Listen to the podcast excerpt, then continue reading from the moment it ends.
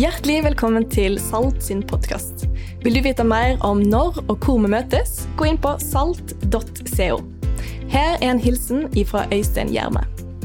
Tusen takk for at du lytter til podkast ifra Salt. Vi er inne i en spennende periode som menighet fordi vi har akkurat kjøpt Forum kino, som skal bli et hjem for Salt. Og så skal det være et kulturhus for hele byen. Vet, vi forkynner fra en plattform. Fram til nå har vi gjort det fra leide bygg. Nå har vi muligheten til å investere i et bygg som skal velsigne mennesker i mange år framover. Vi ber denne høsten medlemmer og venner og partnere og folk som lytter til denne podkasten, om å gi et bidrag for at vi skal kunne komme i havn med egenkapitalen til dette prosjektet. Så hvis du vil, ta og vips noen penger til 12345, eller gå inn på salt.co slash forum og les hvordan du kan være med og bidra. Vi trenger hjelp fra mange for å nå i land med dette, og sammen bygge en plattform hvor vi kan nå enda lenger. Så tusen takk for din gave. Hei, Salt Bergen. Så gøy å få lov til å være her med dere. Det jeg gleder meg masse til. Som Øystein sa, så heter jeg Stine, gift med Asle. Bor i Norges vakreste sommerby, Arendal. Og så har vi to små gutter på fire og seks år, Jonathan og Lukas. Og vi har nettopp beveget oss fra ett år i konstant pirattilværelse. Vi snakker en fireåring som kan alle melodiene til Pirates of the Caribbean til et år som handler om superhelttilværelsen. Er det noen som vet hva jeg snakker om her inne? Ja. Eh, for en liten stund siden så kommer Jonathan, minstemann, bort til meg og så sier han, 'Mamma, Supermann, han har sixpack.' OK, tenker jeg. Og så sier han, 'Men du?' Å nei, tenker jeg. Du! Og så kommer han bort til meg og så løfter han opp genseren min. Så sier han, 'Du, du har firepack, du, mamma.' tenker jeg, firepack? Ja, men Den er jeg ganske fornøyd med, egentlig. Så går han vekk, og så begynner han å le høyt. Så sier han, 'Å nei, vi kan jo ikke telle med puppene.' 'Du har to pack, du, mamma.' Så jeg har altså to pack. Jeg er fornøyd med det. Og da skjønner du litt av hverdagen jeg lever i for tida. Den er gøy og ikke kjedelig. Eh, for noen uker siden så var jeg så heldig at jeg fikk være i Salt Skien og tale hos pastor Truls der borte. Og jeg må bare si med en gang at jeg har ingen doktorgrad, sånn som han har. Jeg har heller ingen mastergrad, sånn som Øystein har her. Jeg brukte tolv år på å fullføre min bachelorgrad. Så det blir ikke noen heftige teologiske utlegninger her i dag. Men jeg har lyst til å snakke til vår hverdag. Til vår mandag, til lørdag, til der du er i din hverdag. Og jeg elsker å få lov til å snakke om det. Hvordan vi kan leve det livet her nært på, tett på han som skapte oss. Og som Øystein sa, så er jo Salt nå i en serie som heter Fenomenet. Som handler om det som skjer når Gud møter mennesker gjennom sin hellige ånd. Og Forrige søndag så talte Øystein og Ariana, hans datter, de talte her om Gud i oss. Om når Gud kommer nær. At på pinsedag så kom han med sin ånd, og så flytta han inn i oss. Og I dag så skal vi se på hva det helt praktisk betyr i vår hverdag, i våre liv. Hvordan kan vi oppleve han, og hvordan kan vi høre han? Og hvordan forandrer det livet våre? Det er fenomenet. Så i dag så skal vi snakke om at Gud leder oss. Gud, han leder oss. Jeg har skjønt at Bergen har jo noen veldig vakre fjell rundt omkring. Jeg har ikke vært på noen av de enda, så hvis jeg skulle på tur der, så hadde jeg vært avhengig av et kart. Og så hadde jeg vært avhengig av Den norske turistforening sine røde merker på veien opp. Og av og til så er det litt sånn i våre liv at vi kan tenke at denne boka her, denne Bibelen, den er som et lite kart, eller et stort kart for våre liv. Og så kan vi tenke oss at Den hellige ånd er litt som de her røde merkene på veien. Som Turistforeningens røde merker som sier at her kan du gå. Dette er den beste og den raskeste veien opp på det fjellet. Det kan hende at du kan komme deg opp på fjellet på andre måter.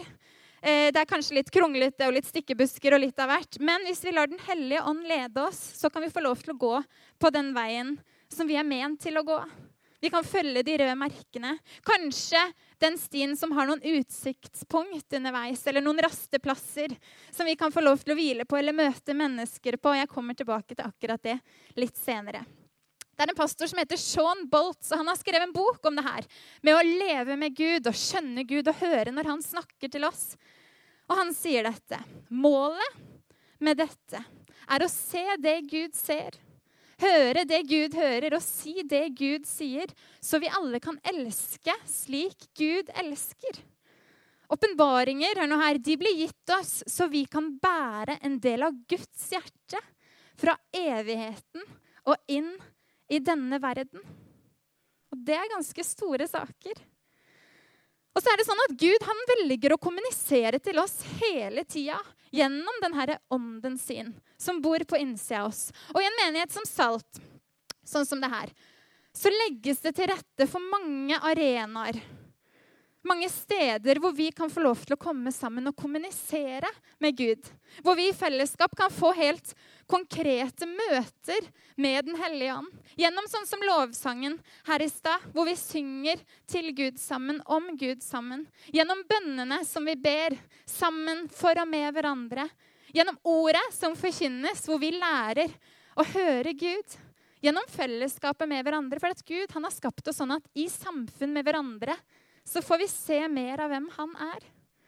Og Dette er situasjoner hvor vi kan lære oss å gjenkjenne denne Guds stemme på innsida. Hvor vi kan lære mer om hvem han er. Og så er det noen som har kommet tidlig her i dag og lagt til rette for disse arenaene, hvor det skal være lett for oss å vende fokuset oppover og kjenne han på innsida og gå ut videre i uka.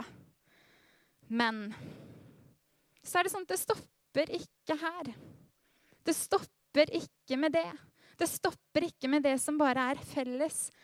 For det er nemlig sånn at Den hellige ånd han blir heldigvis ikke igjen her på Riks i dag når vi drar. Og så er det ikke sånn at han reiser hjem bare med Øystein. Og så er det ikke sånn at vi lenger er avhengig av at, at Gud snakker til Sigurd, og at vi kommer hit for å høre hva Gud har sagt til Sigurd. Den hellige ånd han drar hjem med deg i dag, han. Der du skal. For det er jo i hverdagen din du skal få lov til å leve med han mesteparten av ditt liv. Og det er jo poenget med at vi kommer sammen. For å bli utrusta, for å bli oppmuntra, sånn at vi kan reise videre inn i uka vår og leve det livet vi var ment å leve, med Gud i oss. Den hellige ånd, han drar med deg i dag, han.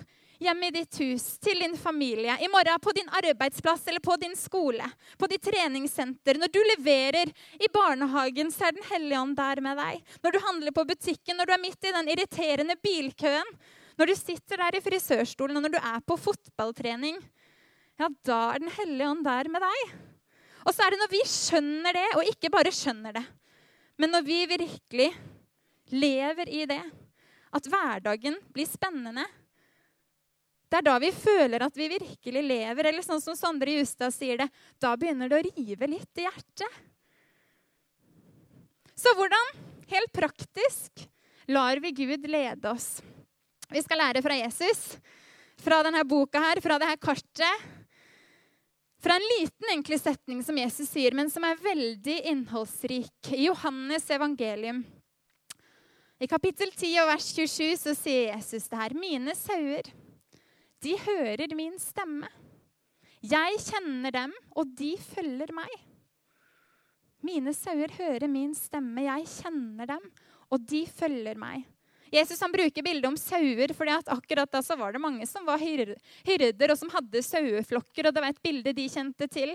I dag hadde han kanskje sagt 'mine Instagram-followers'. Eller han hadde sagt noe som gjorde at vi skjønte hva han mente. Men poenget er at de som er tett på han, de hører han. De hører stemmen hans. Fordi at de kjenner han. Og han kjenner de, og så følger de etter han der som han leder de. Og jeg vet ikke om du merka det, men i denne setningen så er det tre helt konkrete ting som Jesus sier er grunnleggende for at vi skal få lov til å leve et liv hvor vi blir leda av Den hellige ånd. Jesus han sier at det handler om relasjon. Jeg kjenner dem. Han sier at det handler om hørsel. De hører min stemme.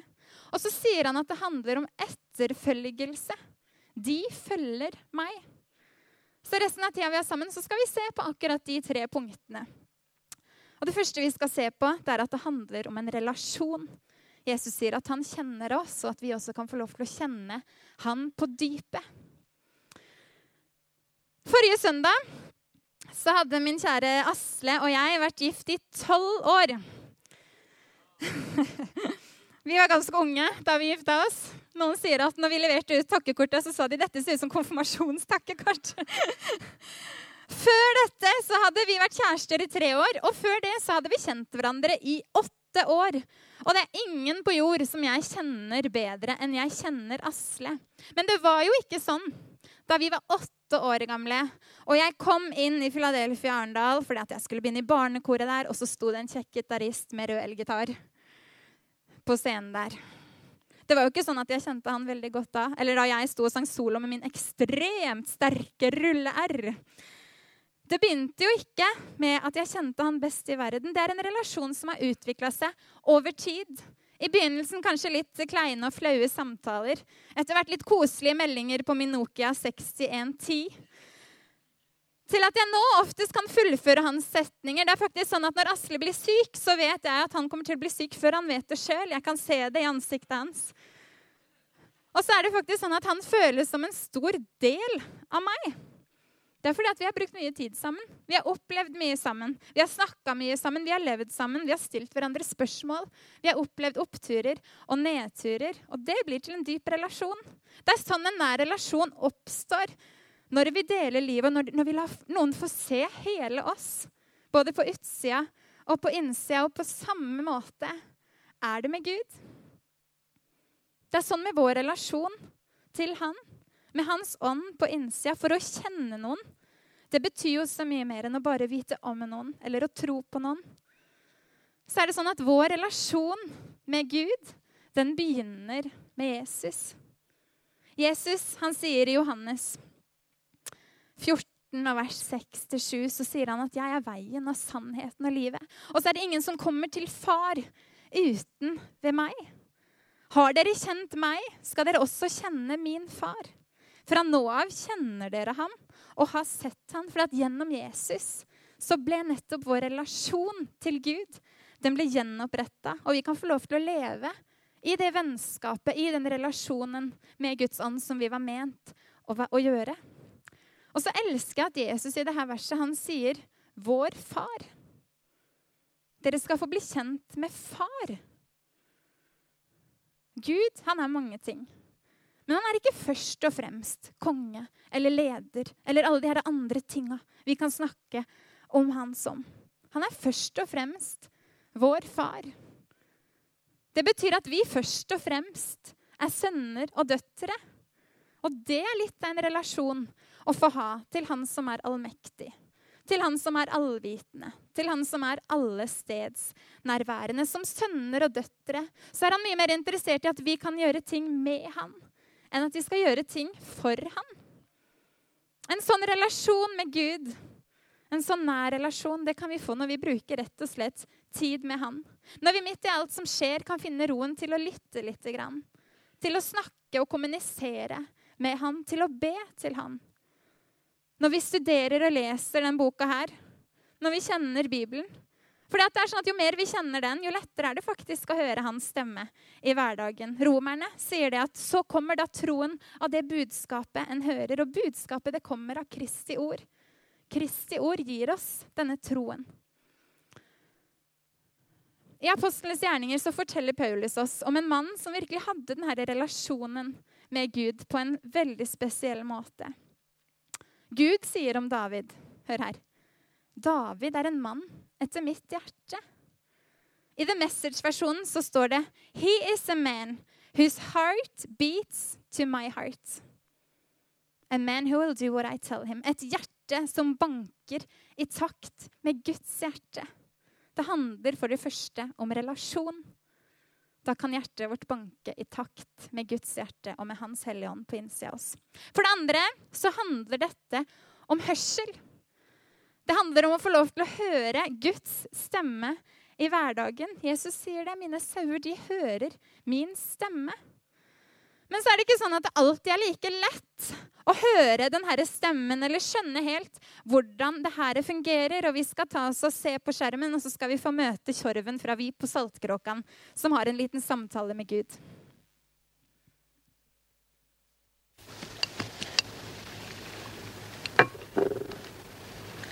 Gode Gud, får jeg ta en tårtbit til? Ja, det får du.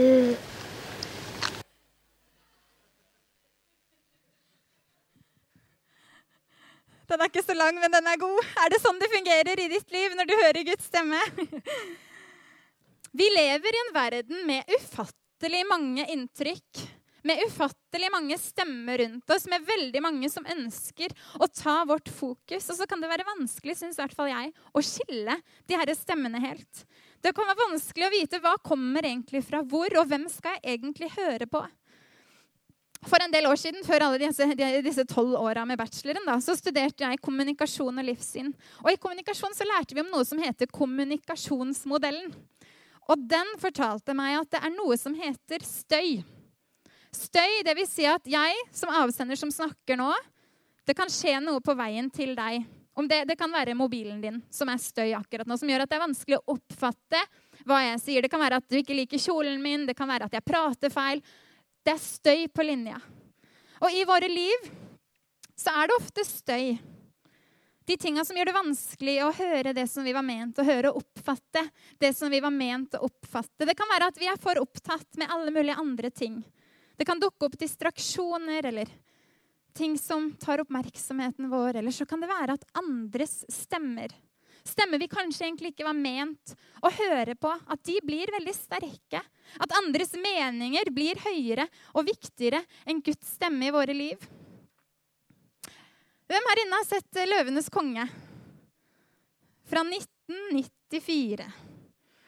I 'Løvenes konge' så møter vi en nyfødt liten løve. Vi møter Simba.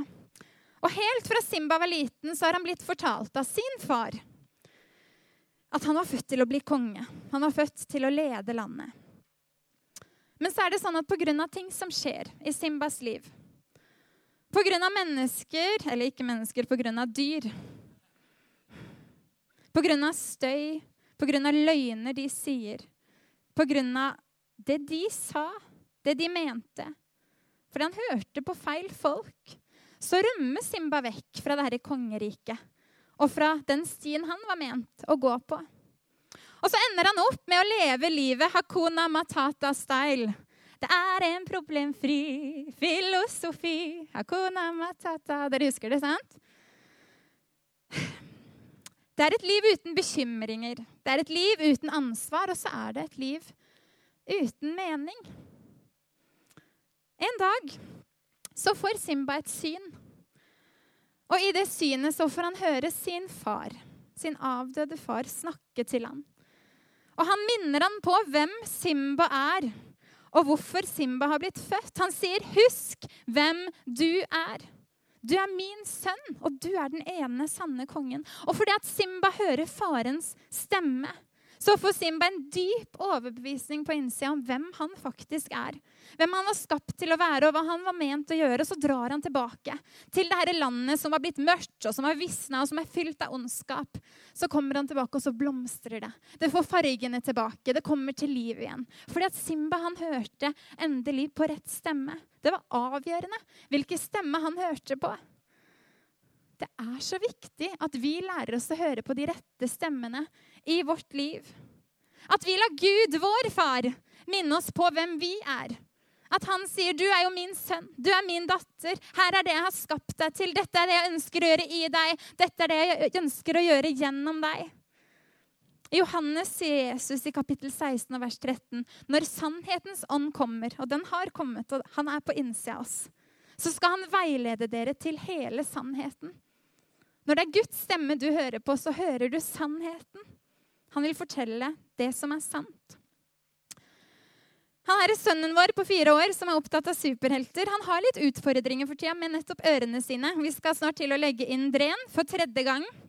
Og det som skjer i perioder hvor han hører dårlig, det er at det fort oppstår mye misforståelser. Det oppstår litt frustrasjon. Og så er det sånn at Hvis det er noe viktig som han må høre, så må vi sørge for at det er helt stille rundt han, sånn at han oppfatter hva vi sier, på riktig måte. På samme måte kan det kanskje være med Gud og til. Vi kan oppleve at akkurat nå hører jeg litt dårlig. Det er litt vanskelig å oppfatte helt hva du sier, Gud. Og Da tror jeg kanskje vi må gi oss sjøl litt ro. At vi må gi de der ørene på innsida litt ro, sånn at vi kan oppfatte hva han sier til oss. Teolog Peter Haldorf han sier det her. Vi har del i Kristi tanke. Vi har del i det. Men for å kunne oppfatte Guds noen ganger hvisking, så må vi i alle fall være stille i vårt indre. Uten den ytre stillheten så er det vanskelig å nå frem til den indre stillheten. Vi må rett og slett trene opp vårt gehør. Hvordan vi hører. Trene opp hørselen vår, sånn at vi kan høre Gud. Og så tror jeg etter hvert når vi lærer oss å kjenne den stemmen, akkurat som jeg kan Asle sin stemme Ut fra alle folk i verden så ville jeg hørt at det var hans sin stemme. Etter hvert så lærer vi oss å høre den Guds stemme. Kanskje til og med midt i kaos, midt i bråk. Så kan vi få lov til å kjenne på innsida at å, nå prater du, Gud. Fordi at vi har trent opp gehøret vårt. Og hvis du er usikker på Gud, er det du som prater nå? Er det du som sier dette? Er det du som ga meg den ideen? Så vil jeg si én ting. Og det er at det Gud sier, hans ord, hans ledelse, kjennetegnes alltid av liv. Det er alltid liv i det. Jeg har lyst til å fortelle en historie om en annen Jonathan som virkelig hørte Guds stemme. Jonathan han går i en kirke i Sverige som heter Livets Ord, og han har Downs syndrom. Og så går han på en skole som heter Emanuelskolen, som er for, eh, for, barn med litt ekstra utfordringer og behov. Og så var det sånn at En stund tilbake så drar Jonathan sammen med læreren sin til byen til Uppsala fordi at de skal gjøre bytrening. Det vil si at De skal øve på hvordan går vi over veien, hvordan handler vi i butikker, hvordan navigerer vi dette hverdagslivet vårt. Og Så går de over et torv. Et stort torv midt i Uppsala. Så stopper Jonathan opp, og så begynner han å synge av full hals. Og han synger om et 100 år gammelt tre i en hage. Og læreren tenker denne sangen har jeg aldri hørt før, og han blir litt flau, men han lar han fortsette. Og Jonathan, han synger. Plutselig så kommer det en dame bort til denne læreren og til Jonathan, og så sier hun, 'Hvorfor? Hvorfor synger den gutten den sangen der?' Og så sier læreren, 'Jeg vet virkelig ikke', fortsatt litt flau. Så begynner tårene å renne på kinna til denne dama. Og så sier hun denne morgenen så bestemte jeg meg faktisk for å ta livet mitt. Jeg kunne ikke lenger se noen grunn til å leve. Men denne morgenen her så ba jeg min første bønn til Gud. Og så sa jeg hvis du er der ute, så er dette din sjanse til å vise meg at du fins, og at du bryr deg. Og du må i så fall gi meg et helt spesielt tegn. Jeg vil at noen skal synge i dag denne favorittsangen som jeg ikke har hørt siden jeg var en liten jente om dette treet, det 100 år gamle treet i hagen. Og idet Jonathan stopper opp på torvet og synger av full hals, så kommer denne kvinnen og går forbi. Og så får hun livet sitt forandra. Hun fikk tegn hun hadde bedt om, og så gir hun livet sitt til Gud. For at det Gud leder oss i, det gir liv. Fordi at Jonathan han hadde en relasjon, han med en levende Gud. Og fordi at Jonathan han hørte den stemmen, og fordi at Jonathan han lot seg lede av Den hellige ånd, som bor på innsida av de som tror. Og Det tar meg til det siste punktet vi skal se på i dag. Og bandet dere kan ta oss og komme opp. Jesus han sier at det handler om etterfølgelse. Jonathan han gjorde den innskytelsen han fikk. Han fulgte Jesus. Han gikk med Gud. Etterfølgelse handler om dette å få lov til å gå sammen med denne faren vår i vår hverdag. I Matteus kapittel 11 vers 28, i The Message-versjonen på engelsk, så står det sånn som dette. Walk with me and work with me. Watch how I do it and learn the unforced rhythms of grace. Det skal ikke være et strev eller en kamp, men Jesus sier, 'Gå med meg'. Jobb med meg. Se hvordan jeg gjør det. Og lær deg nådens rytme i hverdagen din. Vi inviteres rett og slett til å få lov til å gå et liv sammen med Han som skapte oss, hvor Han får lede oss i de små tinga og i de store tinga. Og Det er et annet vers i Bibelen i Efeserne 2.10, hvor det også snakkes om denne vandringen som vi får lov til å gå med vår far. For vi er hans verk, skapt i Kristus Jesus til gode gjerninger, som Gud på forhånd har lagt ferdige. Disse merkene på stien, de røde merkene, de ferdiglagte gjerningene, som vi kan få lov til å gå midt i. Det står at vi skulle få lov til å vandre i disse ferdiglagte gjerningene. Vi er hans verk, står det i den norske oversettelsen. Det greske ordet for hans verk, det er faktisk dikt. Vi er hans dikt. Vi kan få lov til å være Guds dikt. Gud han kan skrive en historie gjennom våre liv hvis vi lar han få lov. Og Dette er et sukkersøtt eksempel, men det er også så konkret at jeg tror du kommer til å huske det. For at mor Teresa hun sa en gang at jeg får lov til å være en liten blyant i hånden til en skrivende Gud som sender et kjærlighetsbrev til verden. Jeg vet ikke om du tenker på deg sjøl som en blyant. Men det var en gang en snekker som snekra en blyant. Så sa han til blyanten, du, du kan gjøre mange ting, du. Men ikke hvis du bare ligger der. Hvis du er villig til å bli tatt i noens hånd hvis du er villig til at noen tegner med deg, eller at noen får lov til å skrive med deg, og hvis du er villig til til å bli spissa litt og forma litt Kanskje det gjør litt vondt, men da vil du kunne tegne skikkelig, skikkelig vakkert. Kanskje du kommer til å gjøre noen feil, men så er det et viskelær som jeg har satt på på enden her, som kan viske vekk de feila. Og noen vil kunne tegne de flotteste kunstverk med deg hvis du lar de få lov. Og så er det sånn at når vi lar Gud da få lov til å ta oss i sin hånd, og gå sammen med oss i vår hverdag, så kan vi få lov til å være som blyanter i Guds hånd. Jeg skal avslutte i dag med å fortelle dere en liten hemmelighet. For det er med Guds nærvær. Det er så fort gjort at vi tenker på Guds nærvær som her inne når vi er sammen. Og jeg opplever Guds nærvær når vi er her. I, i lovsangen, gjennom forkynnelse, i å få lov til å være sammen. Men skal jeg si deg når jeg opplever Guds nærvær aller mest?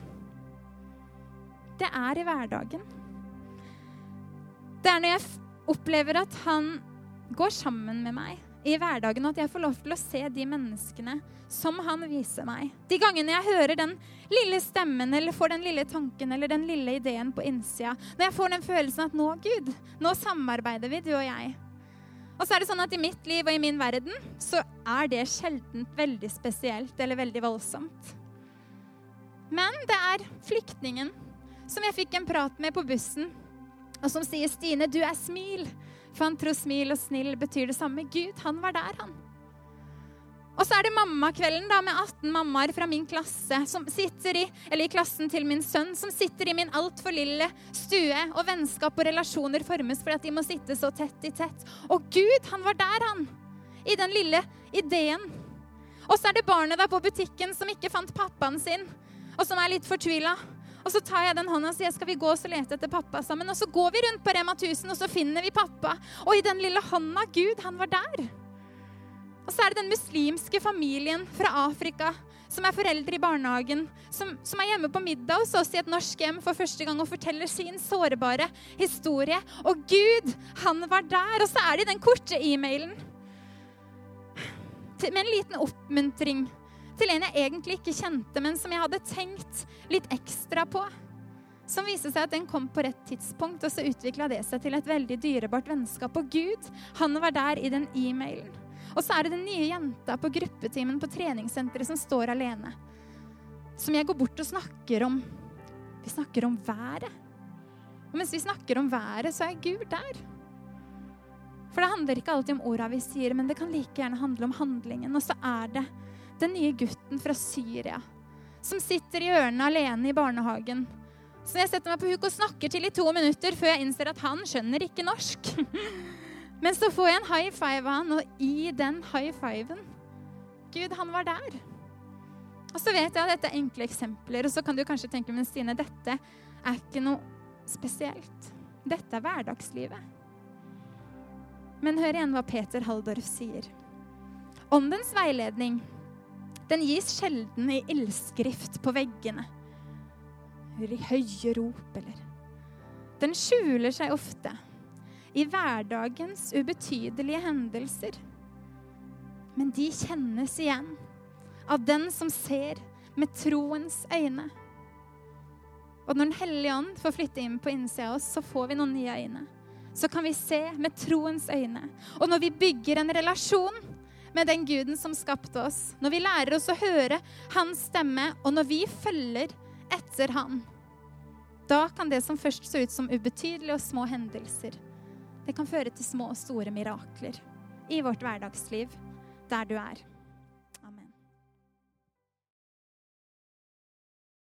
Tusen takk for at du lytta til podkasten. Vi håper at dette budskapet vil være til velsignelse for deg i uka di.